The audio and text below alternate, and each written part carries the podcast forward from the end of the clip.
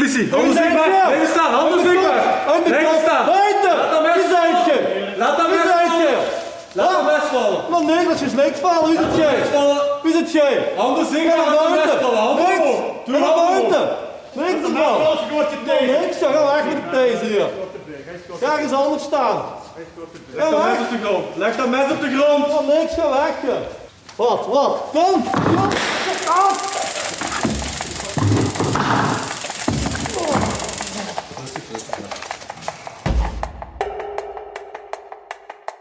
Zo klinkt het dus als iemand wordt getaserd.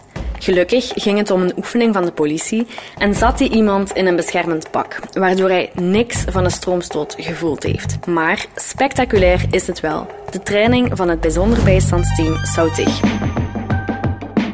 Dit is Achter het Uniform, de podcast van het Belang van Limburg die je een exclusieve blik geeft achter de schermen van de lokale politiezone Limburg Regio Hoofdstad. LRA, dat zijn 450 personeelsleden van korpschef tot onthaalmedewerker in de zes gemeenten Hasselt, Diepenbeek, Zonhoven, Halen, Herk de Stad en Lummen. Wij volgen een dag mee bij elf verschillende teams. Ik ben Kato Poelmans en vandaag ga ik naar een training van het bijzonder bijstandsteam Soutig.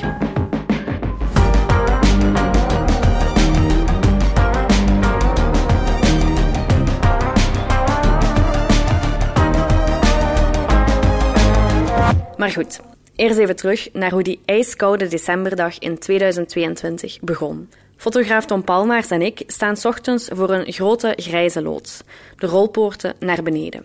En achter die rolpoorten zit een oefenterrein verborgen, met valse wanden, kasten, bedden, zetels, een oude tv, een onbruikbare computer en zelfs een waterkoker. Het zit hem duidelijk in de details. Alles om zo goed mogelijk een woning na te bouwen. Vijf mannen van het bijzonder bijstandsteam staan in volle uitrusting klaar om aan hun oefening te beginnen. Een meter of drie boven de valse wanden is een platform gebouwd, van waarop we samen met de begeleiders de training kunnen volgen. Het wordt een dag vol knetterende stroomstootwapens, tafels omgooien, deuren inbeuken, messen trekken, gefluister, geschreeuw en vooral heel veel open en eerlijke feedback voor elkaar. Je wandelt gelijk muisjes stilletjes binnen, maar je schuift kast aan de kant of er een beren hier binnen zitten. Voor we verder gaan, wil ik je eerst nog aan iemand voorstellen. Ik ben eh, Beer. Ik ben inmiddels eh 24 jaar bij de politie actief. En ik werk nu sinds eh, zes jaar in de politiezone Limburg Regio Hoofdstad als eh, teamlid in het bijzonder bijstandsteam Soutig. Beer dus. Al is dat uiteraard niet zijn echte naam. Nee, dat klopt. Dat is niet mijn echte naam. Eh, mijn ouders hebben mij een mooie naam gegeven. Maar de nicknames die, eh, worden gebruikt voor de anonimiteit wat te bewaren van onze leden. Dat is wel belangrijk, zodat we achteraf geen eh, problemen zouden kunnen krijgen met eh, represailles voor de tussenkomsten die we doen. Omdat we toch tussenkomen in redelijk gevoelige dossiers soms. En eh, omdat we eigenlijk ja, zo gewend zijn om elkaar zo aan te spreken tijdens tussenkomsten, spreken we eigenlijk dagdagelijks elkaar ook zo aan. Dat werkt het beste. Dan blijft dat beste hangen, die naam. Meestal ontstaat die nickname tijdens de opleiding van een van de leden. En eh, dat is afhankelijk van ja, meestal een grappig incident. Of een of andere kemel die er eh, gebeurd is tijdens de opleiding. Dan beslist eigenlijk iemand of een aantal leden over uw nickname. Normaal gezien mocht je hem niet zelf kiezen. Maar sommigen hebben, hadden al een en die hebben die meegedragen in het team. Op de vraag hoe Beer aan zijn nickname gekomen is, krijgen we alleen off the record een antwoord. On the record klinkt het zo. Dat gaan we op interne keuken houden. Goed, we houden het dus gewoon op Beer. Tijdens de trainingsdag maken Tom en ik onder andere ook kennis met Smalle, Uber, Face, Dixie, Scott en Turtle. Maar Beer is degene die je deze aflevering het meest zult horen. Want hem mocht ik na de trainingsdag nog interviewen om meer te weten te komen over de Soutig. Door de politiemensen vaak ook gewoon Tig genoemd. En over die naam moeten we het nog eens even hebben. Want waarvoor staat Soutig eigenlijk? Soutig is eigenlijk een bijzonder bijstandteam. En we hebben sinds eh, 2016 een omzendbrief, dat noemt de omzendbrief G81, die alle bijzondere bijstandsteams in België eigenlijk samengebracht heeft en een eenvormige opleiding eh, gegeven heeft. En daar is ook beslist dat een eenvormige naam werd gekozen voor alle bijzondere bijstandsteams over België uit. En dat is dan een Engelstalige eh, afkorting geworden, dat is Special Assistance Unit. En daarvoor staat SAU, dus SO. En TIG is eigenlijk de, de naam van onze bijzonder bijstandsteam, volle letteren eigenlijk, eh, eh, voor GP81 echt uh, die omzendbrief uitgebracht werd. TIG staat dan voor Tactische Interventiegroep. We zijn actief ja, in politiezone Limburg Regio Hoofdstad, in uh, Kanton Borgloon, politiezone Tongeren-Herstappen, politiezone Heusden-Zolder, politiezone Sint-Truiden, Gingelom, Nieuwerkerken. Dan heb ik er vijf opgesomd, denk ik. Dus dit zijn de, de vijf zones die een protocolakkoord getekend hebben, waar dat er uh, ook leden van elke zone vertegenwoordigd zijn uh, binnen het bijzonder bijstandsteam Zoutig. Dus elke zone levert mensen die op regelmatige basis een week wachtdienst draaien. En dus de geplande, ongeplande opdrachten uitvoeren, terugroepingen uitvoeren tijdens die week. In totaal telt Zoutig 23 leden, van wie Tom en ik er dus zes gezien hebben bij de training. Allemaal uit verschillende politiezones. Het merendeel daarvan, 13 om precies te zijn, komt van politiezone LRA. De andere 10 leden komen uit de politiezones die in het protocolakkoord zitten. Het is geen toeval dat Tom en ik op die trainingsdag net zes mannen in actie zien. En ik zeg heel bewust mannen, want tot nu toe is er nog geen enkele vrouw lid van Soutig. Al benadrukt Peer wel dat vrouwen ook heel erg welkom zijn. Deze zes mannen vormen samen een wachtteam. Dat wil dus zeggen dat ze een hele week lang, 24 op 7, van wacht zijn en dus ook terugroepbaar. Als ze zich bijvoorbeeld net s'avonds gezellig voor de tv geïnstalleerd hebben. In de weken dat de tiggers niet van wacht zijn, draaien ze allemaal mee in de interventiedienst van hun politiezone. Maar waarvoor kunnen ze dan eigenlijk opgeroepen worden? We hebben een heel ruim takenpakket. Versterkte huiszoekingen die zijn eigenlijk wel de grote hap uit onze tussenkomst. Overbrenging van gevangenen. We zitten met de gevangenis van Hasselt. Uh, waar we regelmatig ook in de gevangenis uh, tussenkomsten hebben. Justitiepaleizen, waar dat er uh, grote processen doorgaan. We hebben het Assisehof in Tongeren.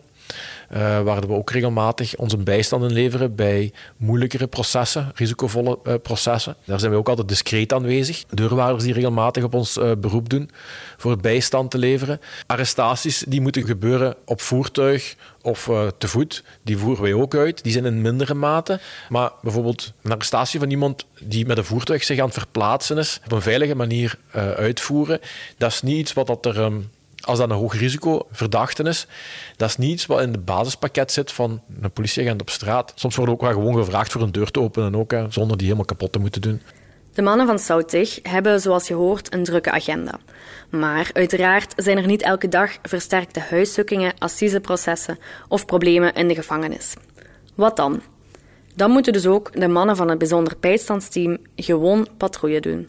Dat wil bijvoorbeeld zeggen dat ze overlastlocaties checken of mensen opsporen die zich niet in de gevangenis zijn gaan aanmelden bij het begin van hun straf.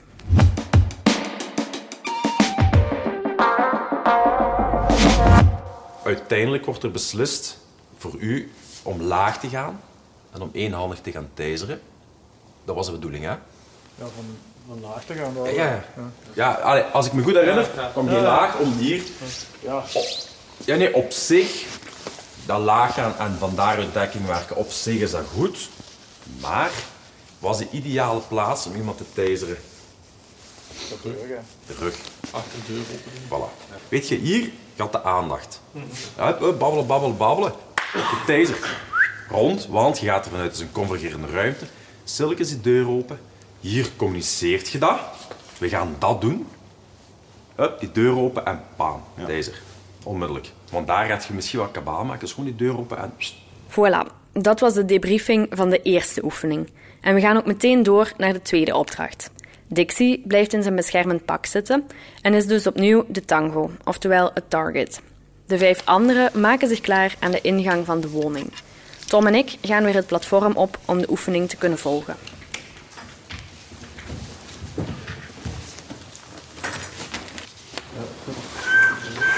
Ja, hey. Wachten, gesloten deur. Rechts, links. Ingesloten deur. Rechts. Links. Werk maar ver bij man. Ja, dan zo links. Kun je de tafel wegleggen anders?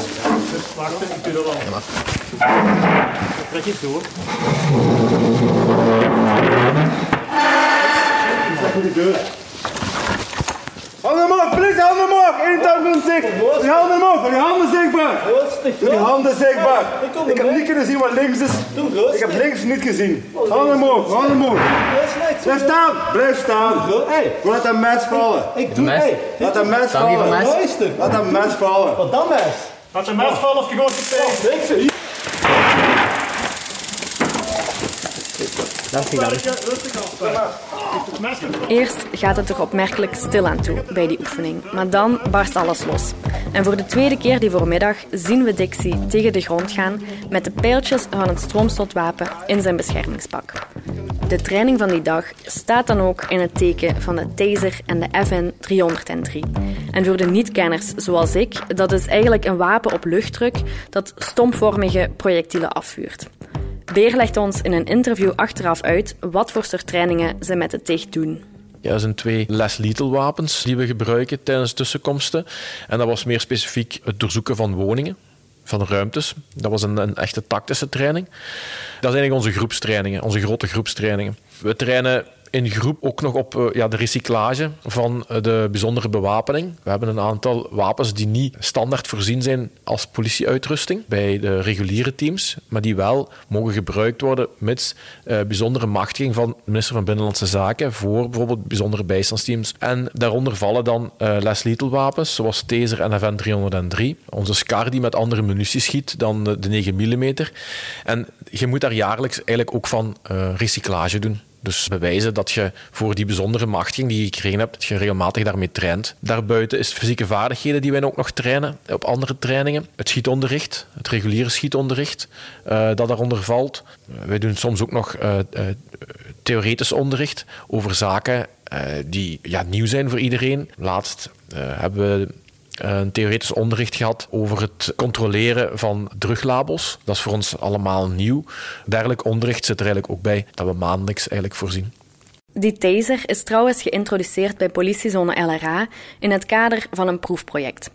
Bedoeling van het project was om te testen of de taser een meerwaarde is om toe te voegen aan de standaardbewapening van alle politieagenten op straat, zoals in landen als Amerika en Engeland wel al het geval is.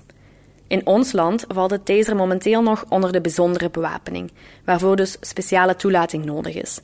Al zal dat heel binnenkort veranderen, want de wet wordt aangepast waardoor de taser bij de collectieve bewapening van de politieagenten gaat horen. En dat is volgens Beer een goede zaak, want de taser die kan wel heel nuttig zijn. We hebben de taser eh, al een aantal keer gebruikt op interventies. Als ik me niet vergis, een drietal keer hebben we de taser ingezet. Ja, wij zijn eigenlijk heel tevreden van de resultaten daarvan. Het is een, eh, een wapen waar dat toch wel wat impact heeft op de verdachten zijn gedragingen. Zonder dat we zelf daarmee heel veel risico lopen, omdat we het op een afstand kunnen gebruiken. En zonder, en dat is heel belangrijk, dat de verdachte daar achteraf eh, veel nadeel van heeft. Ja, de pijltjes die eigenlijk eh, afgeschoten worden, waar dat de stroom door geleid wordt, die heel oppervlakkig in de huid hechten. En dat is het enigste kleine wondje wat die eigenlijk daaraan overhoudt. En voor de rest hebben wij bij, bij niemand eigenlijk eh, meer schade berokkend als dat. En dat waren toch incidenten waar dat er ernstige dreigingen waren met messen, met machetes. Incidenten waar je anders als reguliere politiepatrouille ja, heel weinig over te zeggen hebt. We hebben nog een pepperspray, dat klopt. Maar die pepperspray is absoluut geen garantie op succes. Dat weten we uit ervaring. Pepperspray gebruiken op iemand die met een mes staat te zwaaien gaat een pijn in zijn, in zijn ogen en, en gedesoriënteerd maken. Maar je kan nog altijd met zijn mes rondslaan. En als je dan toch wilt overgaan tot controle en tot handboeien, ja, kan hem je alsnog uh, met mes steken hè, of snijden. En daar is de taser dan wel een, een betere oplossing voor, een veiligere oplossing voor, omdat dat eigenlijk echt wel de controle over het motorisch gedeelte van het lichaam eigenlijk overneemt. Die gaat echt niks meer kunnen doen. Die gaat zich volledig opspannen. En je gaat die zo kunnen ja, ontwapenen en handboeien. Dus uh, ik ben voorstander voor deze eigenlijk meer op terrein te brengen. Voor de veiligheid van de collega's. Waar Tom en ik ook achterkomen tijdens de trainingsdag, minstens even belangrijk als de training zelf, is de debriefing achteraf. Misschien is het zelfs wel belangrijker dan de oefening. En er wordt dan ook ruim de tijd voor genomen. Zo komt er een hele discussie op gang over het gebruik van de taser om de verdachte te vloeren. Want hadden de politiemensen toch niet beter geschoten? Van het moment dat die komt afgestormd, want dat heeft hij wel op een bepaald moment gedaan, is er gevuurd geweest met het vuurwapen, met het handvuurwapen. Heeft iemand gevuurd? Nee. Nee. nee. Zouden we daar moeten vuren? Je kunt je overleven pakken. Ja. Ja, iemand dus, dus, dus ja, hoeveel, op hoeveel meter staan we hier? Ik zou het toch doen, ja. Ik zou het toch vuren alleszins. Persoonlijk, ik vind iemand die komt afgestompt met een mes en die komt echt dreigend, want dat was, dat was even wel duidelijk. Dat was van, ja maar ik wil niks doen, ik wil niks doen, naar, up, gaan. Ja, dan mag die reactie, denk ik, wel sneller komen om te vuren. Want dat is echt gewoon, dat is, dat is wettelijk, alles, alles wat je wilt binnen je wettelijk kader om te mogen vuren, heb je daar ook wel. Hè. Eh, je beslist om te taseren. Oké, je tasert, maar iemand in beweging, ja, die op je af komt gelopen en je wilt die taseren, dan moet dat ook nog juist pakken. Kans verminderen dat ten opzichte van iemand die staat, iemand die loopt. Kans dat je dat, dat die niet treft, is bestaande. En zelfs dat nog al treft en die komt door en die kan nog, dan heb je wel, dan heb je wel prijs. Ja, ik wil het dan ook niet op aanvullen. Ehm, ik vind dat je tactisch een paar dingen over het hoofd gezien hebt en u redelijk beperkt hebt in uw optreden door, uw, eh, door hetgeen wat je gedaan hebt.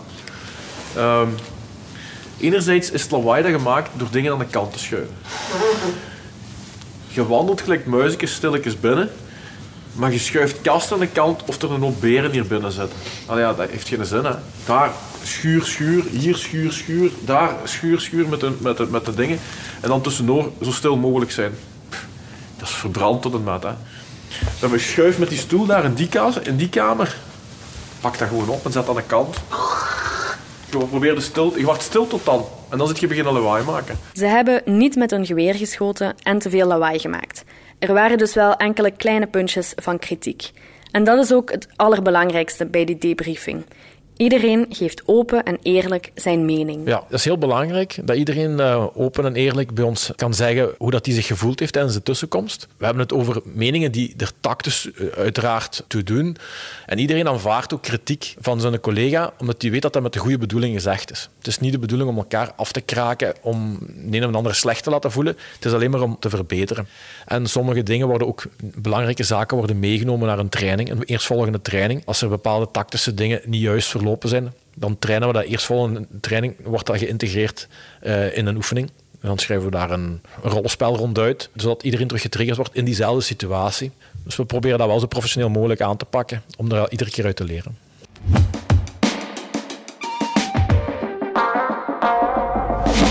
We hebben uitzonderlijk de kans gehad om in de training van Soutig bij te wonen. Of ik moet zeggen, één van de vele trainingen. Want het team moet jaarlijks verplicht 96 uren trainen. Elk wachtteam heeft dus maandelijks een training op de planning staan.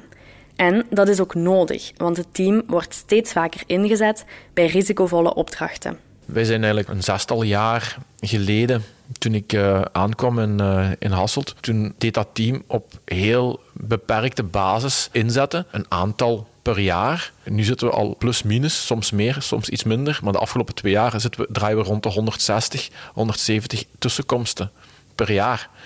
En dat is alleen de inzetten die uh, aangevraagd zijn. Daartussendoor doen we nog een heel deel ongeplande zaken ook nog. We zitten nog met 50 terugroepingen per jaar. Dat wil zeggen dat we thuis zijn, dat we niet op terrein, dat, dat er geen planning was van een inzet. Ja, tel die daar eens allemaal bij. Dat is dagelijks bijna. Wekelijks hebben we toch een drie tot viertal tussenkomsten. Waar dat bijzondere specialisatie voor nodig is. Discretie, weinig brokken maken en een specialisatie in complexe situaties. Het is daarin dat het zoutig uitblinkt. Maar er is nog meer dat het bijzonder bijstandsteam bijzonder maakt. Je kunt alles oplossen met heel veel geweld, maar dat is voor alle duidelijkheid niet de insteek van onze groep. Bij ons draait het niet om het geweld dat toegepast wordt. Bij ons draait het juist om het geweld wat niet toegepast moet worden. Omdat je kalm beheerst en overzicht houdt over de situatie. Dat maakt ons bijzonder. En niet zozeer omdat we met speciale wapens rondlopen en die gaan inzetten. Ook parketten, onze vaste partners binnen politiewerking, die houden daarvan. En die, die valt dat ook op dat we eigenlijk met beperkte middelen, met beperkt machtsvertoon, eigenlijk een goede oplossing bieden aan soms heel moeilijke situaties. En dat is de, uiteindelijk ook onze meerwaarde. Hè. En dat zien dan de rechercheurs. En daarmee, die rechercheurs die zeggen van kijk, we gaan die meevragen. En uh, zodoende creëert je eigenlijk een zekere tendens dat ze weten van oké, okay, Soutig is wel ja, gespecialiseerd om bepaalde opdrachten deftig uit te voeren. Mocht het intussen nog niet duidelijk zijn, een saaie job hebben Beer en zijn collega's zeker niet. wat mij aanspreekt in onze job is voor mij het feit dat iedere situatie anders is. Elke tussenkomst is heel situationeel bepaald. Dus er komt helemaal geen sleur in. Elke woning die wij gaan doorzoeken, die is anders. Of er zijn andere elementen waar dat we rekening mee moeten houden. Dus ik kan wekelijks een andere woning doen, maar daar is toch, toch geen sleur in om dus wekelijks een ander concept.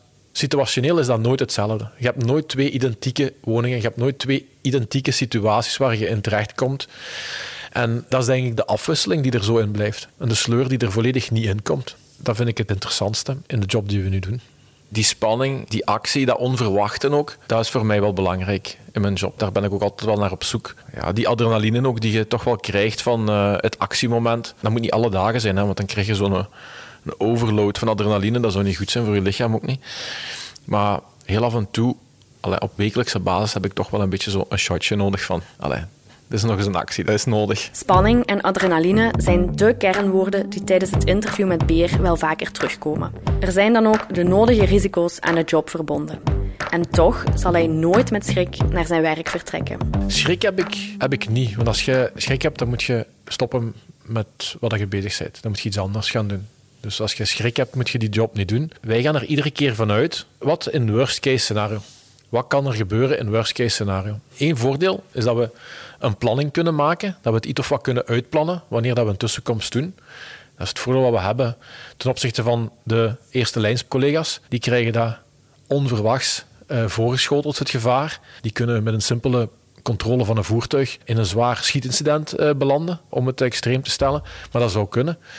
Wij worden meestal opgeroepen wanneer dat er iemand zich verschanst in een woning, uh, wanneer dat er uh, ja, een huiszoeking moet gebeuren voor uh, een rechercheur die zegt, ja, we gaan daar een kader van drugs binnen of dergelijke. Dus wij kunnen de risico's in kaart brengen en ons daarop instellen. Je moet er altijd van uitgaan, worst case scenario, wat gebeurt er dan? En dat doet heel veel aan je mindset, aan het gevoel dat je hebt als je binnengaat. Als je dan nog schrik hebt, dan moet je stoppen met deze job. Dat zou jammer zijn als een van mijn collega's schrik heeft om binnen te gaan. Dan zitten ze in de verkeerde job. Tot slot kijk ik met Beer nog naar de toekomst van het team. Want zoals eerder in deze aflevering al aan bod kwam, is het Zoutig in Limburg maar in vijf politiezones actief. Er is dus nog een heel stuk van de provincie dat niet gedekt wordt door het bijzonder bijstandsteam. We merken al binnen vijf politiezones dat er heel veel werk is. Hoeveel werk is er eigenlijk dat nog niet gedaan wordt en wel zou kunnen gedaan worden door een bijzonder bijstandsteam binnen de andere uh, zones van Limburg? Bij uitzondering en in case of emergency kunnen we eigenlijk wel over onze vijf protocolzone grenzen bijstand geven. Maar we blijven politiemensen, we blijven instaan voor de veiligheid van alle collega's. Hè. Dus als er uh, boven het noorden van Limburg echt een groot probleem zich voordoet, uh, dan leveren we bijstand. En ja, zo simpel is dat. Ja, zoals uh, de kaarten op dit moment op tafel liggen, is capaciteit op dit moment het grootste probleem. Te weinig mensen in, in de basispolitiezorg. Dat zorgt ervoor dat we ook geen capaciteit meer extra vrij hebben om in bijzondere bijstand te steken. En uh, zolang als dat probleem niet op, zich niet oplost, gaat het moeilijk worden om het provinciale verhaal uh, verder te ontwikkelen. Maar ik hoop natuurlijk wel dat dat, uh, dat, dat nog een kans krijgt.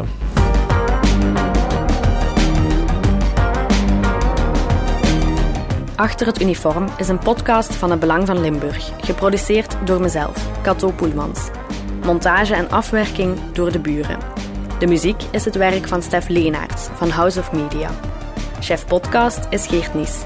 Reageren op deze aflevering kan via podcast.hbvl.be. En wil je onze journalistiek ondersteunen? Bekijk dan onze voordelige abonnementen op hbvl.be/voordelig.